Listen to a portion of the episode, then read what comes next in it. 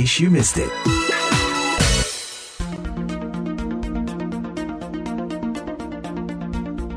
Pendengar, kita akan membicarakan tentang kecenderungan baru dalam gaya hidup ya di Indonesia. Meskipun sarananya tetap tradisional, namun diperkini yaitu minuman sehat yang bisa kita nikmati. Apalagi Jawa Tengah kini dikenal sebagai tujuan wisata kesehatan. Jadi budaya di kafe-kafenya kini tidak hanya untuk menikmati kopi, namun dalam bentuk minuman sehat yang berasal dari tanaman obat atau herbal tradisional.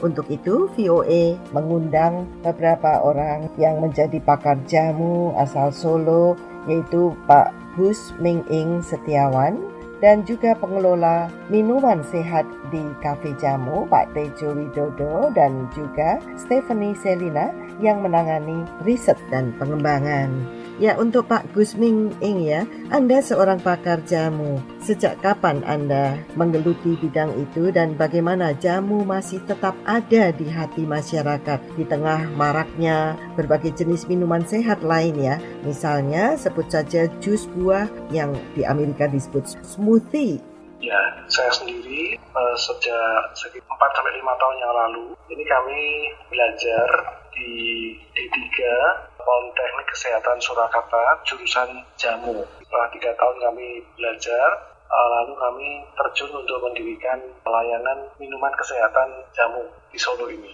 Dibandingkan smoothie dan sebagainya, kami melihat justru ini sangat uh, potensi besar sekali karena banyak sekali tanaman obat di Indonesia, hampir puluhan ribu uh, jenis yang bisa kita kembangkan untuk menjadi functional drink atau functional food ya. Sehingga kita kalau di dunia mungkin Indonesia juga terkenal dengan kopinya, kenapa tidak jamunya juga kita angkat kembali? Kalau dulu jamu sebagai obat tradisional, tapi kita ingin mengarahkan juga jamu ini menjadi minuman yang lebih mudah diterima oleh masyarakat. Jadi kami melihat peluang yang besar dalam hal minuman uh, kesehatan ini. Apa saja Pak jadi ramuannya yang untuk supaya menjadi minuman yang terkini? Ya, jadi kenapa orang modern kadang-kadang enggan minum jamu? Jadi cenderung mereka melihat wah terlalu pahit bisa gitu, rasanya nggak enak gitu ya.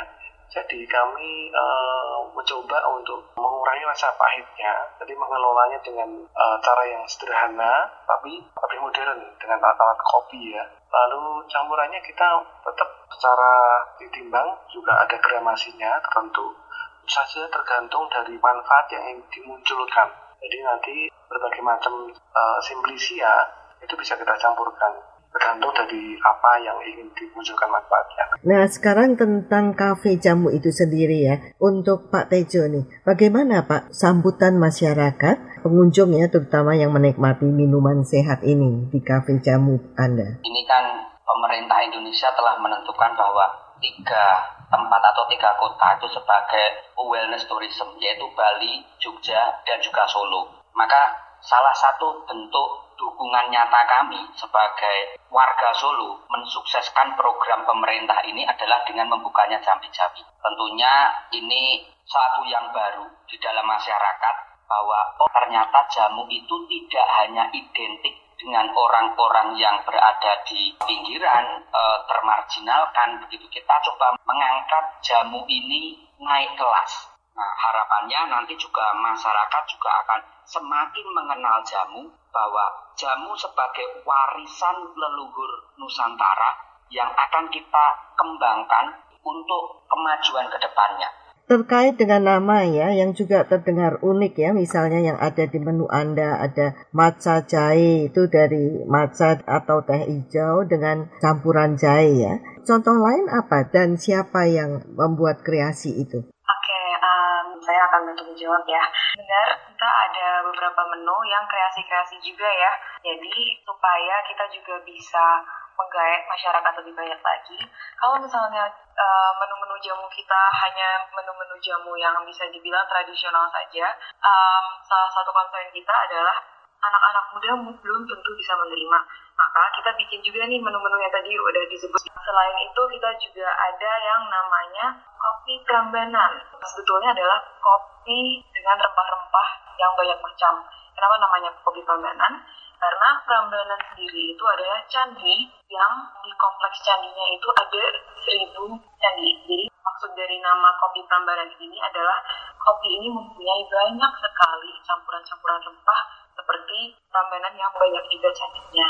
Dan juga Prambanan sebagai tujuan wisata di Jawa Tengah ya, jadi tepat sekali ya. Dan Anda Betul. sebagai orang yang mengurus ya soal riset dan pengembangan kafe jamu ini ya, bagaimana target pemasaran di Jampi Jawi? Kalau untuk target pemasaran di Jambi Jawi sebetulnya kita ada beberapa target. Yang pertama tentang nama ya dan menu-menu kreasi itu kita targetkan untuk anak-anak muda mungkin untuk usia-usia um, anak-anak sampai anak muda ya mungkin Gen Z dan generasi milenial gitu. Nah untuk jenis-jenis minuman yang kita tawarkan untuk mereka adalah minuman bunga telang. Tidak hanya warnanya yang bagus, tapi juga ada manfaat atau khasiatnya yaitu sebagai penenang atau meningkatkan daya ingat dan juga baik untuk mata. Nah, di situ kita menambahkan cita-cita rasa yang memang tidak terlalu jamu atau tidak pahit gitu, jadi bisa diterima oleh segala kalangan. Terus yang kedua, kita juga menargetkan turis atau pendatang-pendatang dari luar kota yang main ke Solo. Untuk pendatang dari luar kota misalnya pengen mencoba makanan-makanan Solo yang tradisional dan juga minuman-minuman tradisional seperti jamu-jamu, bingung nih mau ke mana? Soalnya sekarang kalau cari-cari ibu-ibu jamu gendong kan dulu zaman-zaman kecil ada banyak ya ibu-ibu jamu keliling, tapi sekarang semakin sedikit. Jadi um, kita pengen menjadi tempat di mana orang-orang itu tetap bisa mencoba yang tradisional tanpa harus bingung gitu mencarinya di mana. Jadi bisa datang ke yang Jawi. Apalagi kita juga ada yang namanya jamu tour, kemudian ada juga jamu experience. Nah, um, experience experience seperti ini itu adalah aktivitas yang bisa dilakukan oleh para turis atau pendatang untuk mempelajari lebih tentang jamu seperti mungkin ada apa saja variannya, kemudian apa saja fungsinya, dan bisa dijadikan minum dengan cara apa, bagaimana cara mengolahnya. Kita benar-benar pengen Jambi Jawi ini bisa menjadi satu tempat yang memberikan experience atau activity yang juga berguna bagi banyak orang. Dan singkatnya jamu ini juga menjadi tujuan wisata kesehatan tadi ya. Kembali ke Pak Gus Ming Ing ya. Kalau dilihat dari jumlahnya ya Pak, terdapat berapa banyak nih kedai-kedai jamu yang kini disebut kafe jamu itu di seluruh Indonesia atau mungkin di Jawa Tengah sendiri? Indonesia saat ini memang brand-brand yang mengusung uh, kafe jamu itu masih belum banyak. Brand-brand besar mungkin sekitar nggak lebih dari 10 pemain ya, apalagi di Jawa Tengah. Jadi masih pemainnya masih sangat sedikit. Iya. Nah, tapi tentu saja challenge-nya adalah kita mengedukasi masyarakat tadi seperti target market yang dikatakan selling. Uh, memang kita masih ada edukasi yang cukup kuat kepada mereka. Bagaimana cita rasa yang tradisional, yang seakan-akan old fashion, itu menjadi kekinian. Kita menghadirkan masa lalu ke masa sekarang. Jadi kita uh, tampilkan ambience yang menarik sekali, ada tradisi di situ, ada histori, ada edukasi di situ, ada experience, ada tulisan-tulisan Jawa. Nah, di situlah kombinasi itu membawa satu atmosfer Jawa, seperti namanya Jambi Jawi. Jawi adalah Jawa, Jambi adalah obat. Ini sangat menarik untuk kita tampilkan di kota Solo atau bahkan saya kami yakin ini menjadi satu magnet nanti kemudian hari untuk seperti kata saya tadi untuk wisata. Iya. Kemudian apakah ada rencana untuk mengembangkannya di luar Jawa? Karena jamu itu kan dari Jawa Tengah. Apakah masyarakat di luar Jawa juga perlu diperkenalkan tentang tradisi jamu, tradisi minuman sehat atau herbal ini di sana? Ya, sebetulnya kita sudah ada cabang berupa kedai ya, itu di Balikpapan. Menurut saya pengembangan untuk kedai jamu ini atau kafe jamu ini itu masih sangat terbuka luas untuk bisa sampai ke luar Jawa, bahkan kami berharap bisa sampai ke luar negeri. Kalau cabang kami sendiri masih ada tiga ya, jadi belum banyak memang. Kemudian kepada Mas Tejo ya, meskipun sudah ada menu-menu ya dengan nama yang sangat menarik seperti gulo asem, gagah perkasa, pancasona dan sebagainya itu, apakah bisa jika ada pengunjung yang ingin meminta sesuatu, misalnya oh saya kok merasa nggak enak badan, masuk angin, apa sih campuran enak untuk saya menjadi lebih baik atau lebih sehat? Bisa nggak Pak di luar menu itu pengunjung memesan? Ya, tentunya kami juga sudah melakukan persiapan untuk hal itu ya. Jadi yang sudah kita lakukan saat ini untuk yang tradisional itu yang akan lebih cenderung untuk jamu dalam tanda kutip sebagai pengobatan. Nah itu sudah kita siapkan ada 11 resep yang sudah kita buat itu terkait dengan berbagai permasalahan kesehatan pada umumnya. Seperti misalnya ada gagah prakoso. Itu adalah satu ramuan yang kita buat khusus untuk meningkatkan vitalitas pria.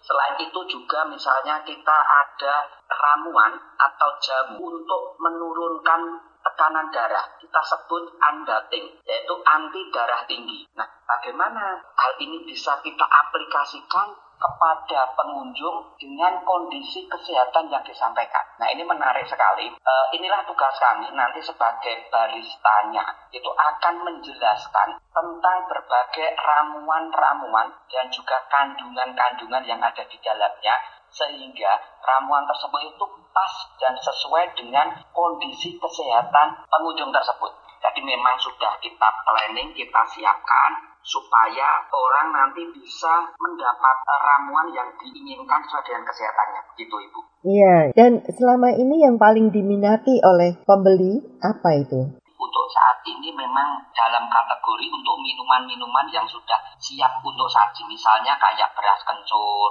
kunir asam gitu. Kalau untuk ramuan-ramuan sendiri, ini lebih banyak untuk imunitas tubuh. Itu namanya ada pancasona dan seger lagi, di mana fungsinya salah satunya adalah meningkatkan imunitas tubuh dan juga menjaga kesegaran tubuh. Nah itu yang paling banyak diminati. Kemudian dengan Selina, apakah menurut Anda Jambi Jawa ini lebih banyak dikunjungi oleh wisatawan dari luar Solo atau dari luar Jawa Tengah dibanding masyarakat lokal sendiri? Bisa dibilang juga tergantung sama season ya. Kalau misalnya waktu bulan Desember ini, tentunya banyak banyak banget turis-turis dari luar kota misalnya kemarin itu banyak banget mobil-mobil yang parkir di depan kita itu platnya B, L pokoknya mobil-mobil dari luar kota itu sangat banyak mungkin karena mereka penasaran ya di Solo ini ada ada nggak sih um, kafe yang tradisional gitu jadi kalau misalnya dibilang banyak yang mana itu um, bisa dibilang tergantung sama season kalau